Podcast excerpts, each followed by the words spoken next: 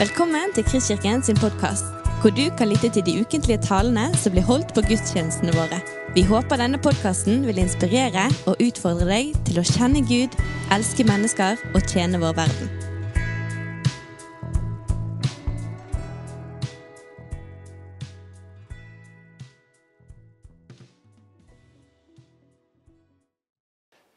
Mitt navn er Thomas Dalsbø, for dere som ikke kjenner meg. Jeg får gleden av å få være med som pastor her sammen med Håvard. Du har sikkert fått det med, meg, nei, fått det med deg. Vi er i eh, siste søndag i advent. Vi tente fire lys hjemme i dag tidlig, og vi sang sangen. Og I Kristkirken så har vi hatt en taleserie denne advent som spiller på noen vers fra Jesaja.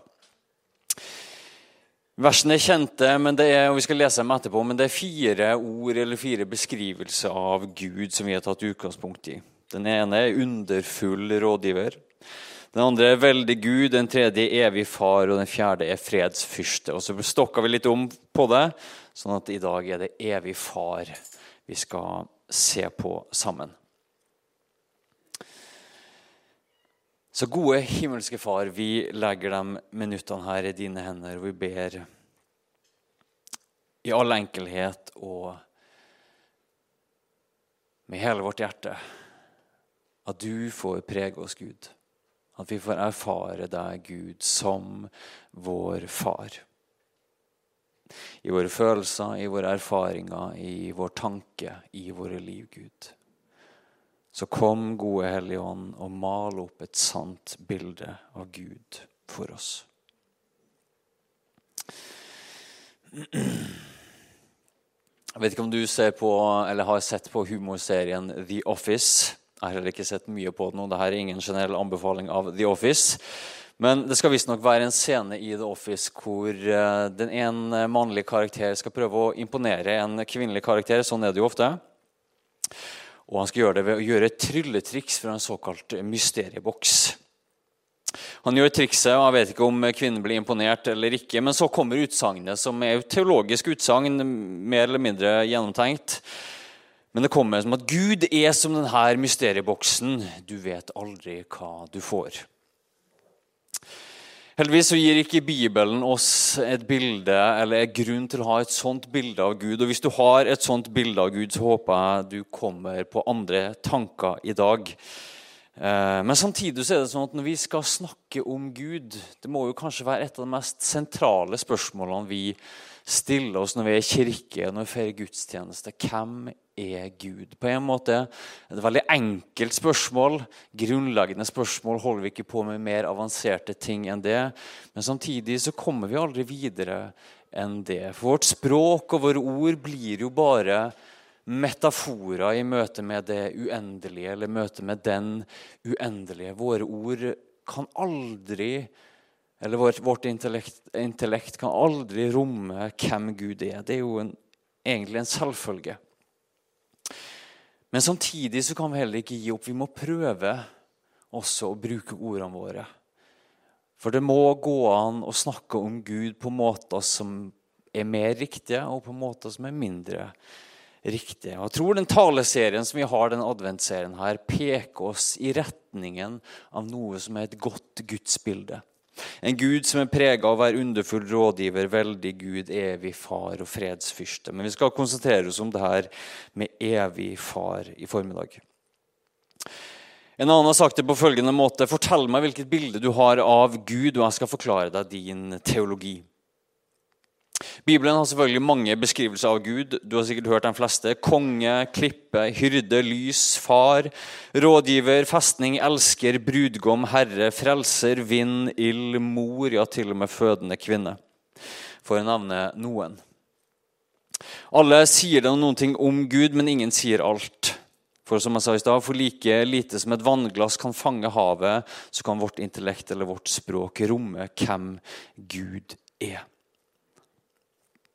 Samtidig så har det enorm betydning hvilket bilde vi har av Gud. Vi må stille oss selv spørsmålet er det her den beste måten å snakke om Gud på. I så fall hvorfor? Både fordi Bibelen og jeg tror også Jesus selv oppmuntrer oss til det. Men igjen, ikke minst fordi hvilket bilde vi har av Gud, også avgjør hvilket bilde vi har av det kristne livet. Og det har praktiske konsekvenser. Jeg leser adventsteksten en gang til, iallfall det første verset. For et barn er oss født, en sønn er oss gitt. Herreveldet er lagt på hans skulder. Han har fått navnet underfull rådgiver, veldig Gud, evig far, fredsfyrste. Og Det er jo ikke noe nytt at Gud omtales som far i Skriften. Det er et av de mest eh, brukte eh, og velkjente beskrivelsene av Gud som vi har. Bare tenk når vi nå ba Fader vår. Det er jo liksom andektig, sant? Men, men jeg liker egentlig bedre Vår Far. Det får fram nærmere det. Eh, det er ikke bare O Fader der oppe, det er vår far. Men spørsmålet blir jo likevel hvilken type far? På hvilken måte er Gud far? Og Det skal jeg prøve å si noen ting om. Og Jeg skal prøve å gjøre det først ved å tegne opp et bilde eller bruke en slags modell eller et grunnbilde av Gud som jeg tror mange i, fall i noen grad vil kjenne seg igjen i. Ikke fordi de nødvendigvis har akkurat et sånt bilde sjøl, men fordi det er et slags klassisk bilde av Gud. I den forstand at det er kanskje ofte det som vi tyr til når vi skal beskrive Gud. Både vi som er religiøse, for å bruke det ordet, og folk som også ikke er religiøse, og prøver å skal beskrive hvem Gud er. Og dette Bildet av Gud som jeg skal starte med, har en tendens det må ikke være sånn, men jeg tror det har en tendens til å skape et bilde av en litt sånn fjern og autoritær far. Og så blir mitt poeng, som vi skal komme mer tilbake til, at en riktig forståelse av Gud flytter gudsbildet fra en autoritær og fjern far over til en nærværende og kjærlig far. Eller skal vi si evig far. Husker du ditt første bilde av Gud? Jeg husker ikke hvor jeg fikk mitt fra. Eh, men det ligner noe på denne liksom gamle mannen i skyen. Han var hvit, og det var både klær, hår og skjegg og alt sammen. Han var litt sånn gullaktig i huden. Definerte muskler av en eller annen grunn. Han satt på en trone litt sånn langt unna. Han hadde et skarpt blikk. Han fulgte med. Han var ikke direkte sint, men han var absolutt streng. Han var en du ville ha på laget. Kanskje ditt bilde av Gud er noe sånn som det her, eller kanskje ditt bilde av Gud var mer som, som din egen far, eller din første lærer, eller din første prest eller pastor. Og Et slikt bilde av Gud har jo en del andre beslektede bilder og beskrivelser. Gud som konge, Gud som beskytter, Gud som kriger, Gud som lovgiver, Gud som dommer. Og Man fremhever gjerne Guds makt, ja, Guds allmakt, Guds majestet, Guds annerledeshet, Guds hellighet, Guds rettferdighet. Guds kjærlighet og Guds nåde er også til stede, eh, men de kommer kanskje noe i bakgrunnen. Og så er min eh, påstand da, at ethvert et gudsbilde har en effekt på oss. Også dette gudsbildet, hvis noen kan kjenne seg igjen iallfall i noe av det. Og Det kan uten tvil ha mange gode effekter, for Gud er jo den som beskytter oss. Og, og, og, Det er godt å tenke at Gud har makt når vi kjenner oss maktesløse. og Tanken på Guds hellighet kan drive oss til et hellig liv sjøl. Samtidig så har et bilde av Gud som iallfall i overdrevent grad vektlegger hans makt og majestet, hans hellighet og rettferdighet, en tendens, og hør meg, en tendens til å bli det bildet av den litt autoritære faren. Jeg tror ikke det må være sånn, men for meg så var det sånn. Og jeg vet også at det har vært sånn for andre. Og jeg tror Noe av den effekten kan kjennes på følgende måte. For det første at Gud kommer på litt avstand. Det var iallfall et av de definerende trekkene ved mitt første bilde av Gud. At Gud var mektig og stor, hellig og ren. Ja, han var også far, men han var på avstand. Han var langt vekke fra mitt liv og min virkelighet. Og Det er ikke så vanskelig å tenke seg hvorfor det blir sånn hvis vi tar parallellen med bildene av jordiske konger. Iallfall i tidligere tider, hvor han levde i stor avstand til folket. Kongen bodde i palass, folket bodde i hytta.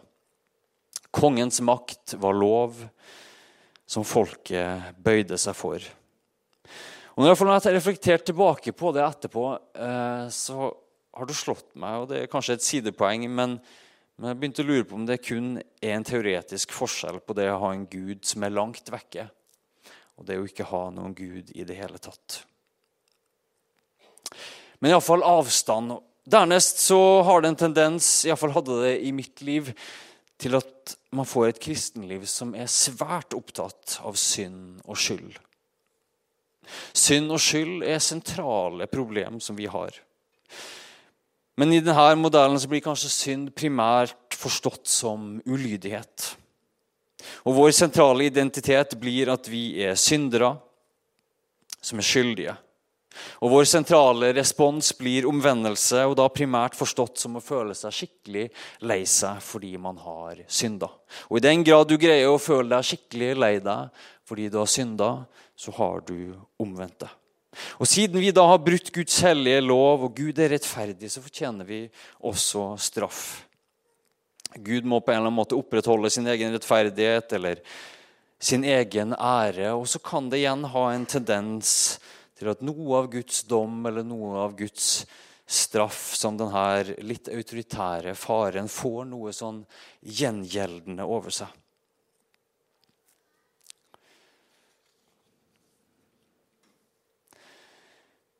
Og så husker jeg også i hvert fall veldig godt fra mitt liv når, når det var et sånt gudsbilde som dominerte, at Gud på en eller annen måte ble ensbetydende med min egen dårlige samvittighet.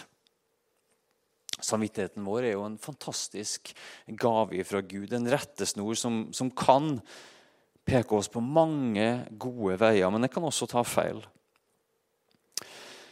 Og Det jeg snakker om her er jo den litt sånn velkjente indre kritikeren som jeg tror vi alle har. Onkel P, artisten, kalte det 'styggen på ryggen'.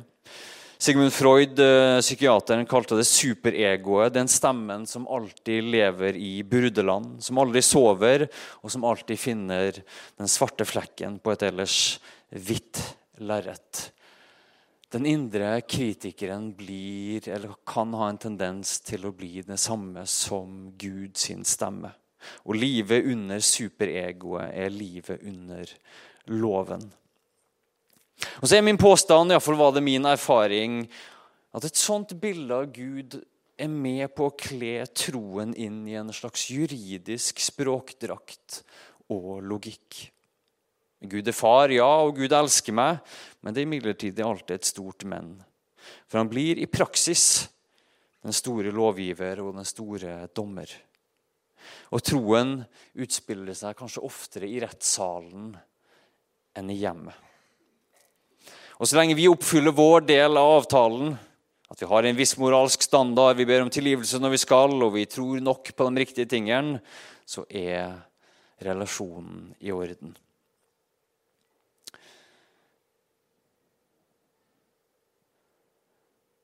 Og så var i hvert fall min erfaring at Selv om dette bildet har noen viktige sannheter om Guds allmakt og Guds frykt og Guds hellighet, så har det igjen en tendens Jeg tror ikke det må være sånn for alle, men det var sånn for meg at det leder til et kristenliv preget av prestasjon og frykt. Relasjonen avhenger i stor grad av meg sjøl. Så lenge jeg leverer, oppfyller min del av avtalen, så er ting i orden. Da viser Gud seg som far. Men da jeg ikke leverer, så viser Gud seg som dommer. Ok, Mulig litt bred pensel der, Thomas Dalsbø, men, eh, okay, men hva kan ta oss et skritt videre? Hva kan gi oss eh, for å bruke et enkeltord, et, et bedre bilde av Gud? Eller et mer fullstendig bilde av Gud? Det sies at eh, den kjente sveitsiske psykiateren Carl Jung hadde følgende inskripsjon over inngangsdøren sin, riktignok på latin, men jeg oversatte til norsk, ikke fra latin, men fra engelsk. Invitert eller ikke, Gud er til stede. Når vi skal prøve å utfylle dette bildet av Gud, så legger vi da ikke vekten på Gud som en autoritær og fjern far, men som en nærværende og kjærlig far. Og Det første som endrer seg, er at avstanden blir til nærhet. Julen minner jo oss om akkurat dette budskapet. At Gud har kommet nær. Gud tar bolig iblant oss, flytter inn i vårt nabolag. og Hans navn er Emanuel, Gud med oss. Og Da blir ikke Gud først og fremst et vesen der ute eller der oppe, som fra tid til annen griper inn her. Inn her. Nei, da er Gud her og nå. Gud er overalt samtidig som han er større enn alt. Og for å si det sånn som Paulus sier i apostelgjerningen 17. Dette gjorde han for at de skulle søke Gud, om de kanskje kunne lete seg fram og finne ham og høre etter. Han er jo ikke langt borte fra en eneste en av oss. For det er i ham vi lever, beveger oss og er til. Og det her grunnbildet av Gud som, som, ligner kanskje mer på den nærværende og kjærlige faren, har også andre beslektede bilder. Gud som forsørger, Gud som oppdrager, Gud som hjelper, Gud som kilde, ja, til og med Gud som mor. Og Der Gud som den autoritære faren fort kan bli ensbetydende med min indre kritiker, så blir Gud i dette bildet den stemmen som kommer utenfra med frihet. Som et friskt pust med liv og nåde og sannhet. Og Jeg har av og til tenkt på det som det er akkurat som den stemmen som bryter inn når jeg og du har mareritt. Eller kanskje var det sånn når du var liten, eller jeg var liten iallfall. Når vi hadde mareritt. Hvordan oppleves det? Det oppleves virkelig. Det er mørkt. Og På en måte så er det vår virkelighet der og da å være i et mareritt. Men når det kommer en inngripen utenfra, enten det er en stemme, fra en mor eller far, eller det er en lyd, eller det er kroppen som vekker oss fordi at vi nå er uthvilte eller vi nå svetter så veldig at vi bare må våkne, så våkner vi til virkeligheten. Det var bare et mareritt. Og I et bilde hvor Gud får tre fram som den nærværende og kjærlige faren, så straffer ikke Gud først og fremst, eller Guds dom blir ikke først og fremst forstått i en juridisk kontekst fordi at det er et eller annet lovbrudd eller fordi Gud må oppfylle et eller annet abstrakt rettferdighetsideal. Nei, som enhver god forelder så straffer og disiplinerer da Gud for vårt eget beste. Og vi kan si det sånn, Guds straff er da ikke forstått først og fremst som gjengjeldende, men som rehabiliterende. Les noen vers fra Hebreerne 12. Hold ut og la dere oppdra, for Gud tar seg av dere som sønner og døtre. Ja, la meg få se den sønn som faren ikke viser til rette. Hvis dere ikke blir vist til rette som alle andre, er dere ikke sønner, men uekte barn. Vi har hatt våre jordiske fedre som oppdro oss, og vi hadde respekt for dem. Har vi ikke mye større grunn til å bøye oss under åndenes far, så vi kan vinne livet? For fedrene våre viste oss til rette bare en kort tid, slik, de selv, slik de selv syntes det var best. Men han, og hør etter, gjør det til vårt beste for at vi skal få del i Hans hellighet. All irettesettelse synes nok å være mer til sorg enn til glede mens den står på, men siden gir den tilbake fred og rettferdighet som frukt hos dem som er blitt oppøvd med den. Og I motsetning til en litt sånn juridisk språkdrakt og logikk så får en slik modell av Gud et familiespråk. Livet med Gud er ikke en kontrakt hvor han holder sin del og jeg holder min del. Eller at jeg må leve opp med et sett med krav. Nei, det er en invitasjon til relasjon. Du er en del av familien på gode dager og på dårlige dager. Det er ikke en kontrakt, men en pakt. Kontrakten er basert på at alle parter oppfyller sin del av avtalen. En pakt er basert på et løfte.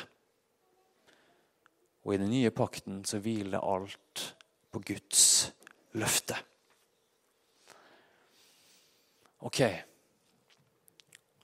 Men hvordan tar vi da steg fra et gudsbilde over til annet? For det som jeg i fall påstår her i formiddag, er et bilde fra en litt sånn fjern og autoritær far, og nærmere et bilde av Gud som en nærværende og kjærlig far. For det første så tror jeg vi må ta inn over oss kraften i den foreldre-barn-metaforen som Bibelen bruker. Ved siden av ekteskapet så er det kanskje det mest betydningsfulle bildet vi har, som beskriver relasjonen mellom oss og det guddommelige. Og Noen ganger så opplever jeg merker det selv også, at vi har litt reservasjoner for å ta inn over oss bildets fulle tyngde. For vi må jo balansere det med andre bilder av Gud. Det blir kanskje for bra. Men hør etter, Jesus er tydelig på dette punktet. Både at vi skal kalle Gud far, som er ganske oppsiktsvekkende, i jødisk religiøsitet. Ja, til og med Abba, som sies var det ordet som ikke bare var 'O Fader vår', den litt sånn høytidelige måten å titulere far på, men som var pappa. Gud som pappa.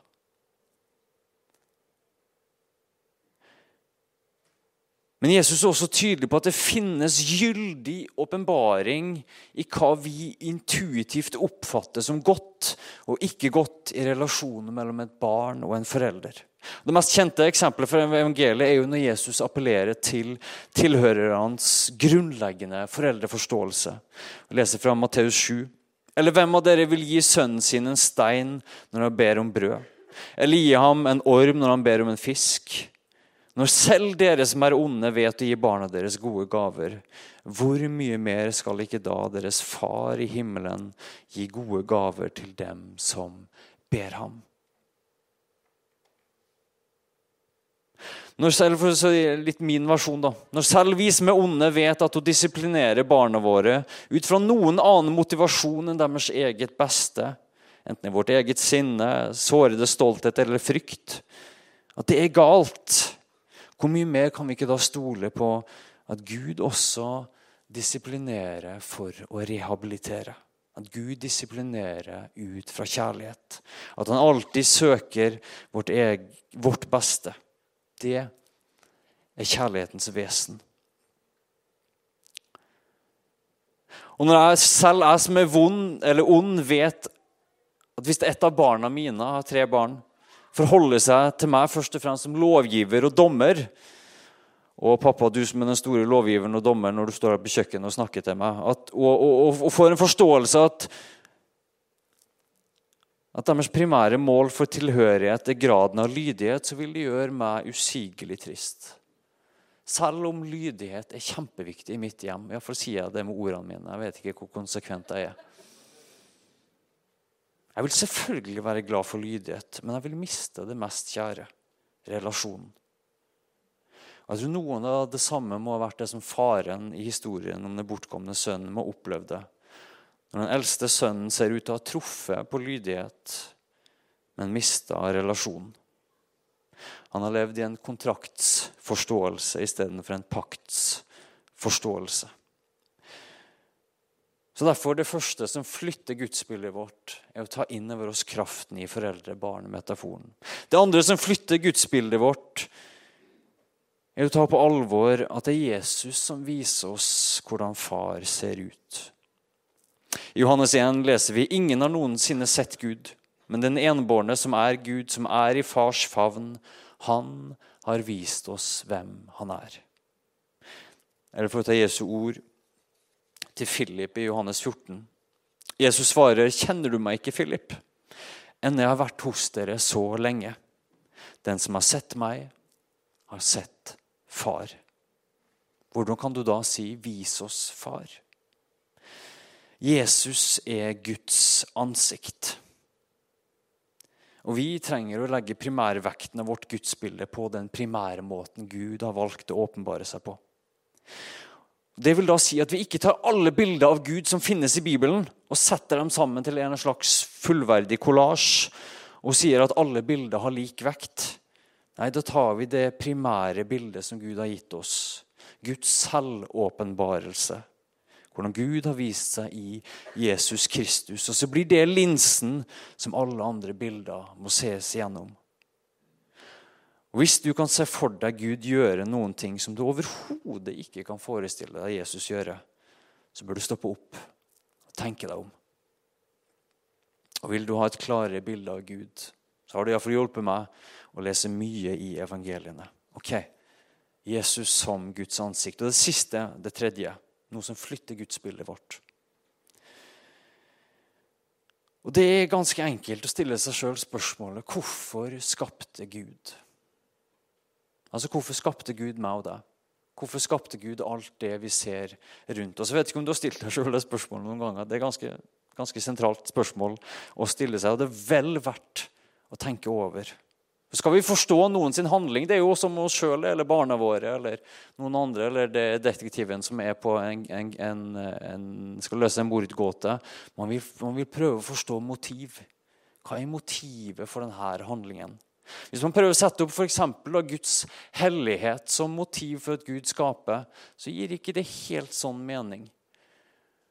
For hvis, hvis, Guds hellighet var hans, først og fremst hans motiv for å skape, så ville det vært det mest trygge å ikke skape. Fordi at det er for stor risiko. Men hvis du sier at Guds kjærlighet er Guds vesen, så gir det mye mer mening. Hvorfor skapte Gud? Kjærligheten har noe aktivt over seg, noe som krever uttrykk. Kjærligheten krever å ha en å elske.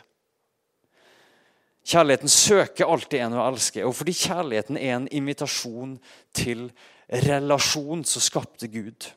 Og for å si det sånn, Jeg og Ragnhild, min kone, skapte når vi fikk barn, så var det et uttrykk for kjærligheten mellom oss to, men også det at vi ville utvide vår relasjon. Vi ville utvide vår familie. Vi ville ha andre også å elske. Vi ville gi liv til noen andre. Og En annen måte å si det på er rett og slett å spørre hva er det Gud vil ha. I det ene bildet så vil han ha lydighet. I det andre bildet så vil han ha deg og meg. Han vil ha relasjon. Ok, Thomas, Hvis jeg da har flytta gudsbildet mitt og ser at Gud er far. Ikke en fjern, autoritær far, men en nærværende og kjærlig far. Så har ikke vår tilstand bare magisk blitt bra av den grunn. Den er fortsatt prega av synd og skyld. Men den ene modellen vektlegger det i veldig juridisk forstand, så vektlegger den andre modellen at vi har kommet bort. Sagt på en annen måte, Vi er fremmedgjort ifra vårt opprinnelsessted. Som den bortkomne sønnen som lever i et land langt borte. Så har vi kommet på avstand ifra Gud. Vi lever øst for Edens hage, borte fra Guds nærvær. Men vi kan komme hjem. Og Gud ønsker at vi kommer hjem. Synd forsvinner heller ikke i en modell der Gud får tre fram som en nærværende og kjærlig far. Men synden forstås da ikke først og fremst igjen i juridiske termer, men i relasjonelle termer. Og Hvis du leser Jeremia eller andre en av profetene i Gamle Testamentet, så blir det her kjempetydelig. Hva er anklagelsen som israelsfolket får imot seg? Jo, det er utroskap. Det er relasjonell utroskap. Man dyrker andre guder enn Gud. Fordi Gud er kjærlighet, så er han en elsker. Og det å synde er det samme som å gå etter andre elskere. Synd er da å prøve å fylle sitt eget tomrom med dårlige substitutter. Og gi sin primære lojalitet til noe annet enn vår skaper. Ofte pga. vår egen blindhet så prøver vi å hente liv fra andre steder enn Gud sjøl. Hans nærvær og hans kjærlighet. Og dom, som er jo et kraftig ord, forsvinner heller ikke. Det er ikke sånn som jeg så noen var sitert på, at Gud blir en sentimental bestefar. Dom er til stede, men nå ikke først og fremst som, forstått som en trussel fra en dommer, pekefingeren fra en guddommelig revisor i skyene. Men hvordan vi lever livet våre, har konsekvenser. Synd har alltid en innebygd dom. For syndens lønn er døden. Å leve på avstand ifra Gud har konsekvenser. Han som er livets kilde. Å leve på avstand vil gjøre oss utilfredsstilt og utilfredse. Ja, det vil uttørke oss som en gren som skilles ifra stammen. Omvendelse som begrep består også, men ikke først og fremst forstått som egen anger, men å snu seg om og vende hjem som den bortkomne sønnen som kom til seg sjøl og begynte å traske hjem. Hjem til far. Og Selv om ordene våre ikke kan beskrive Gud fullt ut på langt nær, så er ikke Gud en mysterieboks. Du vet ikke hva du får. Når du og jeg får se Gud som evig far, så ser vi klarere vil jeg påstå i hvert fall, at livet handler om å vende seg mot Gud. Å gå inn i relasjon til Han som allerede er i relasjon til oss. Han som fødte oss, som har elska oss fra begynnelsen, og som elsker oss nå, om vi vet det eller ikke. Og som vandrer med oss om vi vet det eller ikke. Og Da blir ikke sentrum i det kristne livet prestasjon å leve opp til et sett med krav, men å bli bevisst på og stadig vokse inn i relasjon med Gud. Og den relasjonen er det eneste som har kraft til å forvandle oss ifra innsiden og ut. Eller for å si det enda mer kortfatta Gud er virkelig. Og Gud er nær. Det kristne livet handler om å komme inn i en relasjon til Gud, slik vi har lært han å kjenne i Jesus Kristus.